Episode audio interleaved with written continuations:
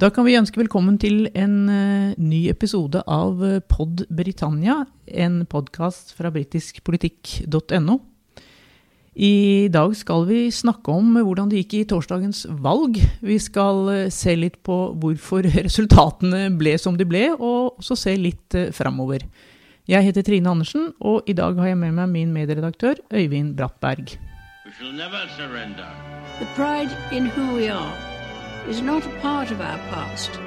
It defines our present and our future. The people of Scotland have spoken. England, Scotland, Wales, Northern Ireland, together, taking us forward, unleashing the potential of the whole country.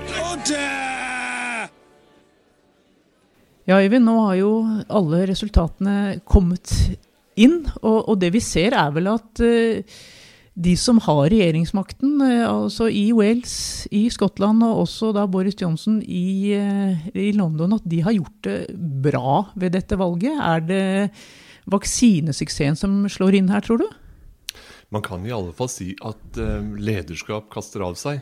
Og det er en, en, en fin inngang, det, fordi det forener det som er grunnleggende forskjellige konstellasjoner og forskjellige debatter som preger dette valget. Boris Johnsons suksess i, i England er en, av en annen art, naturligvis, enn en, uh, Nicola Sturgeon og det skotske nasjonalistpartiet. Og Wales er igjen sin egen historie, uh, men det som forener disse valgene, uh, det er det faktum at her og nå, på dette stadium i pandemien, så kaster lederskap av seg at de som nå, de som har sittet med regjeringsansvar, og som da har vært med på, på vaksinebølgen som nå er i ferd med å ta hele Storbritannia på meget oppløftende vis ut av elendigheten, de får en belønning fra velgerne. Det er i alle fall én tolkning, og jeg tror det, er naturligvis mange andre relevante tolkninger, men det er i hvert fall et tema som samler de ganske så forskjellige valgene og prosessene som eh, fikk sin, sitt utløp på torsdag. Ja, det er jo, som du sier, de ganske forskjellige valg her. Vi har jo da valget til eh, ny nasjonalforsamling i Wales. Der er det også Labour som har styrt siden 1999, siden denne nasjonalforsamlingen ble opprettet. Og der fikk de Var det rundt 40 eh, av stemmene Labour fikk? Rundt 40% og det er jo eh, isolert sett sensasjonelt godt, gitt at Labour sliter som bare det. Det er jo overskriften for de aller fleste. Hvis man ikke er opptatt av Skottland, så er det overskriften for de aller fleste at, at uh, Labour er i den store hengemyra, mens Boris Johnsons lederskap for de konservative eh, det, det griper inn i stadig nye deler av England især, da, og, og skaper et overtak. Men i Wales så har Labour beholdt, eh, beholdt hegemoniet. Og en, eh, en, oppslutning på 40% og 30 av de 60 representantene i, i, det walisiske parlamentet. Det gir fortsatt regjeringsmakt og en, et veldig klapp på skuldra til Mark Drakeford, som der er førsteminister, og som jo er en, en ser ut som han er hostet opp et, uh, i et universitetslokale. og ikke, Han er ikke noen, noen uh, folketaler, men han har representert en, en slags nærhetslederskap og et etter manges oppfatning stødig lederskap gjennom pandemien, og nå er han også med på vaksinebølgen, og det gir resultater. Ja, En litt trygg, faderlig figur, kan vi vel nesten si at han har vært? Det tror jeg man kan, kan, si. For det er klart at nå er jo den valgperioden de har bak seg her, fem år, den har rommet så mangt, for å si det mildt. Det forrige valget var rett før brexit-avstemningen. Eh, hele den debatten har jo preget flere av årene. Men det var ikke mye snakket om i, i, i Wales nå. Ei heller har det vært voldsomt store diskusjoner om økonomisk politikk eller andre slike brødpolitikkspørsmål. Det har vært forventet at de walisiske nasjonalistene skulle gjøre det skarpere, at de skulle mobilisere. Men ellers har det handlet mye om, om stødig lederskap, om at han er, han er, vår mann, han er en klok mann. Og det har åpenbart vært nok til i alle fall gi en um, betydelig uttelling ved dette valget for, for Labour. Ja, Stødelig lederskap er vel et stikkord her, og, og, vi må jo bare snakke om Skottland. Det er jo, er jo, det det har vært mest oppmerksomhet om, og det er jo det vi har snakket mest om også i tidligere podkaster. Og der klarte altså eh, SMP, det, Niklas Sturgeons parti, å få nesten 50% av stemmene. De klarte å få nesten å nå målet om rent flertall i uh, det skotske parlamentet. De mangler bare ett sete. Så det var jo et brakvalg hun tross alt klarte å få til, selv om hun ikke fikk til dette med rent flertall. Det er et vanvittig godt valg av det skotske nasjonalistpartiet. all kritikk til tross, interne intriger til tross, utfordringen fra Salmen. Leser man engelsk presse, så uh, kan man få den oppfatning at Skottland er i ferd med å rakne fullstendig i, sømmene politisk. At uh, det er uansvarlig lederskap, inkompetent lederskap, ikke minst. Uh, politikere som fullstendig mangler tillit. Og så kommer man til den faktiske valgdagen og ser at med høy valgdeltakelse og mye mobilisering på alle fronter, så vinner Nicola Sturgeon og SNP altså tett oppunder 50% av stemmene. Eh, man skal langt tilbake i skandinavisk politikk for å se Det måtte være å søke mot ørnen blant partiene her, her hjemme, men da er vi mange mange tiår tilbake i tid for å se den typen ettpartidominans. Det er helt eksepsjonelt. Da er vi vel tilbake til Einar Gerhardsen, vil jeg tro? Vi er tilbake til Gerhardsen og, og 50-tallet. Og, og, det som kjennetegnet etterkrigstida her hjemme, var jo også lang sammenhengende regjeringsmakt. Det, det fører jo etter hvert til slitasje og ønske om fornyelse og sånn. Det er i hvert fall den vanlige politiske dynamikken. Det tok en stund før eh, Ap og Gerhardsen møtte en sånn vegg, eller det som lignet en vegg på 60-tallet. Men Sturgeon og, og, SNP de driver på videre, de. Eh, og det gjør de med, med velgernes støtte. og da, da nytter det ikke å rope fra kommentators sidelinjer at dette dette er uansvarlig eller er ikke dyktige nok, eller hva det måtte være. Hun har en formidabel tillit i det, i det skotske folk, og det er veldig veldig godt gjort. Det skal man eh, berømme. Ja, og jeg, jeg hørte på hennes seierstale i, eh, i, går kveld, altså lørdag kveld. og, og hun var jo veldig krass mot Boris Johnsen og sa at nå var han bare nødt til å, å, si ja til at du skal få holde en ny folkeavstemning om uavhengighet. Både Johnson og Sturgeon er vel enige om at den folkeavstemningen skal uansett ikke komme under pandemien. Der er jo Sturgeon også klar. Hun skal først styre Skottland gjennom pandemien. Det er ikke snakk om at det skal bli en ny folkeavstemning i morgen. Men hun vil ha en folkeavstemning, og hun sier at nå som de har fått dette mandatet her, så kan ikke Johnson stå i veien for eh, det skotske folkets eh, vilje. Men, men det kan han jo. Det kan han uh, formelt. Det blir jo et, uh, en, et, en, sak hvor, hvor juss møter realpolitikk. I det, I det, lange løp så blir det jo det. Fordi um, Boris Johnson og regjeringen i London har, uh, har jussen på sin side i, en, um, i, i britiske konstitusjonen og i den lovgivning som ligger til grunn for det skotske selvstyret, så forutsetter det en Eh, et, et, et, vedtak i London av det britiske parlamentet før man kan holde en folkeavstemning om, om eh, å, å, bryte ut av eh, den britiske unionen. Og det er egentlig Det er jo svart på hvitt, men så er det jo samtidig slik at folkeviljen her taler, og den, dette valget med, et, med den oppslutningen om SNP, som så entydig går til valg på at de faktisk skal holdes en ny folkeavstemning, så er det jo et klart budskap fra, fra Skottland. Og så får vi bare se hvordan den debatten eh, forløper. Det kommer til å bli en tautrekning av en annen verden. Jeg tror nok i, det, i løpet av denne femårsperioden at eh, Sturgeon og SMP kommer til, å få, kommer til, å få, det som de vil. Det er min mm. spådom, i alle fall. Hva er din? Jo, jeg tror nok, tror nok også det. Og så skal vi også huske på at De Grønne også gjorde det veldig godt i valget i Skottland. De fikk åtte representanter, og de er også for et selvstendig Skottland.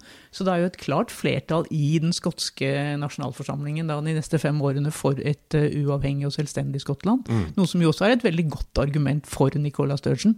Det er det. Og så har hun samtidig en, en, utfordring her i at um, opinionen ikke nødvendigvis er helt overbevist i selvstendighetsspørsmålet. For det er noe av det som har uh, Utviklingen vi har sett de siste månedene på vei mot valget, er jo at i de jevnlige målingene av uh, synet på selvstendighet blant skotske velgere, så har det jo gått Har, har ja-siden krøpet litt tilbake. Den har lenge ligget høyt. Eh, på en måte Parallelt med støtten til, til Sturgeon og hennes lederskap, så har man også hatt um, over 50% i favør av selvstendighet sammenhengende et, et stykke tid, fra i, fra i, fjor og inn i dette året. Men så har den prosentandelen sunket, samtidig som oppslutningen om SNP tilsynelatende har, har økt. Og det trekker også litt igjen i retning av at man eh, begeistres av hennes lederskap og fester lit til at hun vil det beste for Skottland. Men et flertall av skotske velgere er nok ikke overbevist om at folkeavstemning nå bør være første bud i den usikkerhetens tid med, med både eh, pandemien og dens konsekvenser og brexit som er i ferd med å slå inn osv., så, videre, så ville det være klokt med en liten tenkepause, og i hvert fall sette sette hesten foran kjerra, og ikke, ikke, motsatt, slik at man tar ut et litt lengre tidsperspektiv. Men det har de jo også. Med en fem års valgperiode så har de jo tiden foran seg. Ja, men Det må også være veldig vanskelig for Sturgeon, for at uh, hun har jo på den ene siden lover hun at det skal bli en folkeavstemning. Hun må, som vi sier da, ha, få ja fra, fra London. Men samtidig så må hun jo være sikker på at når hun utlyser en folkeavstemning, så blir det flertall. Hvis ikke så blir det jo bye bye for henne også, som førsteminister. Hvis ikke så er selvstendighetsspørsmål også lagt uh, sannsynligvis for veldig lang tid fremover. Hvis de nå og ikke bare for en kort generasjon? nei, klarer nå å krangle fram en, en, en, ny runde etter at den forrige avstemningen ble holdt i 2014. Hvis de nå uh, i løpet av de nærmeste årene gjør det på ny, og det ender uh, med et nei igjen, så tror jeg man kan si at man, man kan ikke låse døra og kaste nøkkelen, akkurat, men, men man må iallfall låse den døra for, for lang tid framover. Og det er ikke noe utfall Sturgeon, Sturgeon ønsker seg.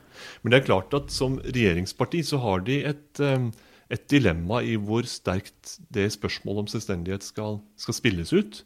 For eh, mange av de politiske målene og ambisjonene de har satt seg, de krever jo at de faktisk blir en selvstendig stat. Ikke bare som, som, eh, ut fra symbolverdi, men også for å faktisk ha fullt herredømme over hele det politiske eh, den verktøykassa, rett og slett. Eh, ikke minst når det gjelder økonomisk politikk, at de er frigjort og selv bærer ansvaret.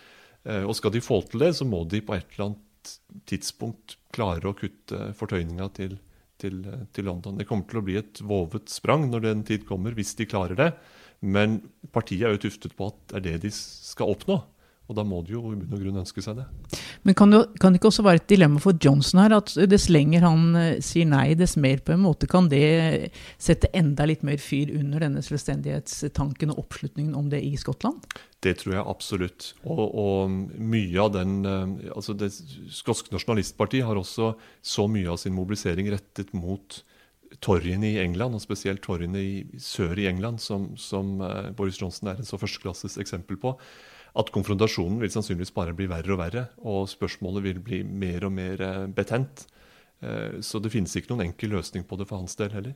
Nei, Han er jo ingen populær mann i Skottland, det kan vi være enige om. Han var jo faktisk ikke til stede i det hele tatt i, i Skottland under valgkampen, og, og det, det, sier vel sitt. Men du skal vi snakke om en annen eh, partileder om, som ikke kanskje hadde et så veldig godt valg, nemlig Labours sir Keir Starmer. Dette var den første testen han, valgtesten hans som Labour-leder. Og det startet altså torsdag morgen med at vi fikk meldingen om at uh, dette suppleringsvalget i Hartlepool uh, gikk helt suverent til de konservative. Et, uh, en krets som da har vært holdt av Labour siden den ble opprettet i 1974. Det var jo et voldsomt slag for, for Labour. Selv om det vel kanskje var ventet, så var det kanskje ikke ventet at det skulle tape med så mange stemmer det var en, en katastrofe for, eh, for Labour sin, sin del. Um, kanskje en varslet katastrofe, men ikke i det omfanget at det skulle gå på en, en så enorm smell. Altså Det er jo to sider av, av um, samme sak her. At det er en, en, eh, virkelig en fjær i hatten for Boris Johnson og, og Toryene, som slår gjennom med brask og bram i, i, i nord. Eh, der de aldri har, har hatt noe å, å, fare med. I hvert fall er det veldig mange år siden. 50-tallet var vel sist det var, det var eh, parlamentsrepresentasjon fra dette, denne delen av, eh, av nordøst. Men eh, der Boris Johnson kan, kan, juble, så må altså Keir Starmer innse at hans eh, ett år ved makten ikke har gjort det spor for å øke tilliten til, eh, til Labour i brexit-stemmende eh, nordlige deler av England, der, der eh, økonomien er nedslitt, folk er, er, er lei, der det er jevnt over er lav tillit til politikere, så har Boris Johnson og, og Torrine klart å mobilisere en, en, viss tillit, i hvert fall et, en tro på at hans lederskap kan gjøre noe. Og da, da har velgere strømmet dit hen i, i bunker og stabler. og Det så vi ved 2019-valget, da brexit var tema. Nå var det nesten som brexit fortsatt var tema, fordi mange av de samme velgergruppene har, har stilt seg opp på ny. eh, og, og stemt blått. Ja, og det, det, virker jo nesten som om eh, kanskje Starmers uh, Han har vel hatt en taktikk der nesten ikke har snakket noe om brexit i det hele tatt i, i dette året som har, har, har, gått, siden han tok over som, som leder. Og Brexit har også blitt nærmest en snubletråd da, i dette valget, som du sier. Det er jo i de områdene og de kretsene hvor, uh, hvor, hvor, det har vært et flertall for brexit, som, som, Labour har gjort det veldig dårlig nå ved lokalvalgene. Så har det vært feil taktikk fra, fra, Starmer, eller har det rett og slett bare vært pandemien som har dominert på en sånn måte at han har ikke kommet fram med noe annet budskap? Jeg tror eh, siste del av det, enten det skyldes altså han, Det er jo en, det, er bevisst, vil jeg tro, også fra, fra Starmers side, at han ikke har framført noen sammenhengende agenda for hva hans parti egentlig vil eh, med, med, med Storbritannia, eh, og da først og fremst etter pandemien. Han, han, har vært en ganske så intens og effektiv eh, sakfører i kritikk av koronapolitikken til enhver tid, og fulgt opp statsministeren tett der. Og det, Den kritikken kastet av seg en stund, det, mens det gikk riktig dårlig med Boris Johnson og hans regjerings forvaltning av, av ting. Men nå i denne fasen hvor vaksinene har fått fart, så er det først og fremst regjeringen som belønnes, mens Boris Johnson og Labour, nei, unnskyld, Chris Starmer og Labour tilsynelatende ikke har noe å falle tilbake på. De har ikke noen agenda, verken lokalt eller nasjonalt, som umiddelbart man kan si at dette er alternativet, dette ønsker vi oss. I stedet så faller man tilbake på forrige rundes debatt, som var brexit-debatten, og som, som, som, fortsatt sitter der, og som, som Labour står står fast i, selv om man ikke snakker om det. Ja, det er jo ganske trist å høre en Labour-leder som sier, da, som Keir Starmer sa på, på, fredag etter at resultatet kom fra Hartipool, at uh, Labour har, uh, har, mistet tilliten hos arbeidsfolk. Og så har, er Labour i ferd med å bli et helt annet parti? Er de, uh, er de i ferd med å bli et parti for, for unge, for unge i byene, og kanskje litt mer velutdanna? Folk. Det er det jo i veldig stor grad. Og, og den klemma som, som partiet står i, finnes det rett og slett ikke noen enkel vei ut av. Um, fordi um, oppslutningen har økt i, byer og altså universitetsbyer, uh, vellykkede urbane strøk, så har Labour slått gjennom. Der er det mer salongsosialisme som rår, og, og mye sånn verdipolitikk, som også brexit var uttrykk for. Men de klarer ikke å, å stå sammen med, med, de som nå etter hvert utgjør en stor del av medlemsmassen også, og samtidig strekke ut en troverdig hånd og være en del av mengden utafor byen. Eh, for der er det tilsynelatende mm, avvik i både verdier og interesser. Det er i hvert fall ikke opplagt hva Labour egentlig kan gjøre for dem, eller har tenkt å gjøre for dem. Og det begynner etter hvert å bli veldig lang tid siden noen kunne si at, en, at, at partiet, eller en regjering utgått fra partiet, var til hjelp for alle disse lokalsamfunnene. Da er du tilbake i, Blair-æraen. Eh, og det er flere som har påvist det, vist til det nå, at, at, det var en serie eh, vanskelige år for Labour. Og så kom Tony Blair inn med en, eh, en slags friskt og frimodig 'jeg er god for alle'-type prosjekt, og økonomisk vekst og velstand fulgte. Og siden så har Labour ikke klart å finne seg sjøl etter at han forlot skuta. Uh, og Det er jo én versjon av historien. Sikkert er det at man nå ikke har noen løsning på hvor man, uh, hvor man skal. Nei, det virker jo nesten litt desperat nå, for nå, nå får vi jo meldinger om at uh, Keir Starmer er i ferd med å Han sparket vel ganske, ganske kjapt hun som har hatt ansvaret for valgkampen til, til Labour, og nå, nå sies det at han skal sparke noen eller gjøre, gjøre litt om på skyggeregjeringen sin, men, men kan, det, kan det endre noe, da? Det kan være litt som å flytte dekkstolene på, på, Titanic, som man iblant snakker om. For veldig mange i Hartlepool eller i Yorkshire eller Midlands eller hvor som helst egentlig britiske lokalsamfunn, engelske lokalsamfunn, følger neppe veldig godt med på hvem som sitter rundt det bordet i, i uh, skyggeregjeringa. Det er ikke det det handler om. Det må være en form for mobilisering ute og budskap som treffer folk, og der sliter de veldig med å lykkes. Hva skal vi konkludere med da, Øyvind? Hvordan vil du oppsummere dette valget? Eller disse valgene? Boris Johnsons eh, fenomenale suksess som tyder på at, at Torryene, konservative partiet, har et hegemoni i, i, England som kommer til å vare og, og muligens styrkes. Det er i hvert fall én konklusjon. Skotsk nasjonalisme på vei mot, mot et klimaks og en enorm, en, en, en enorm opptur for Nicola Sturgeon. Og så et stødig kurs videre i, i Wales, litt i skyggen av det hele. Men tilbake til, til det vi startet med, at lederskap i denne fasen eh, har, har, blitt belønnet av velgerne. We shall never surrender. The pride in who we are is not a part of our past. It defines our present and our future. The people of Scotland have spoken. England, Scotland, Wales, Northern Ireland, together, taking us forward, unleashing the potential of the whole country. Order!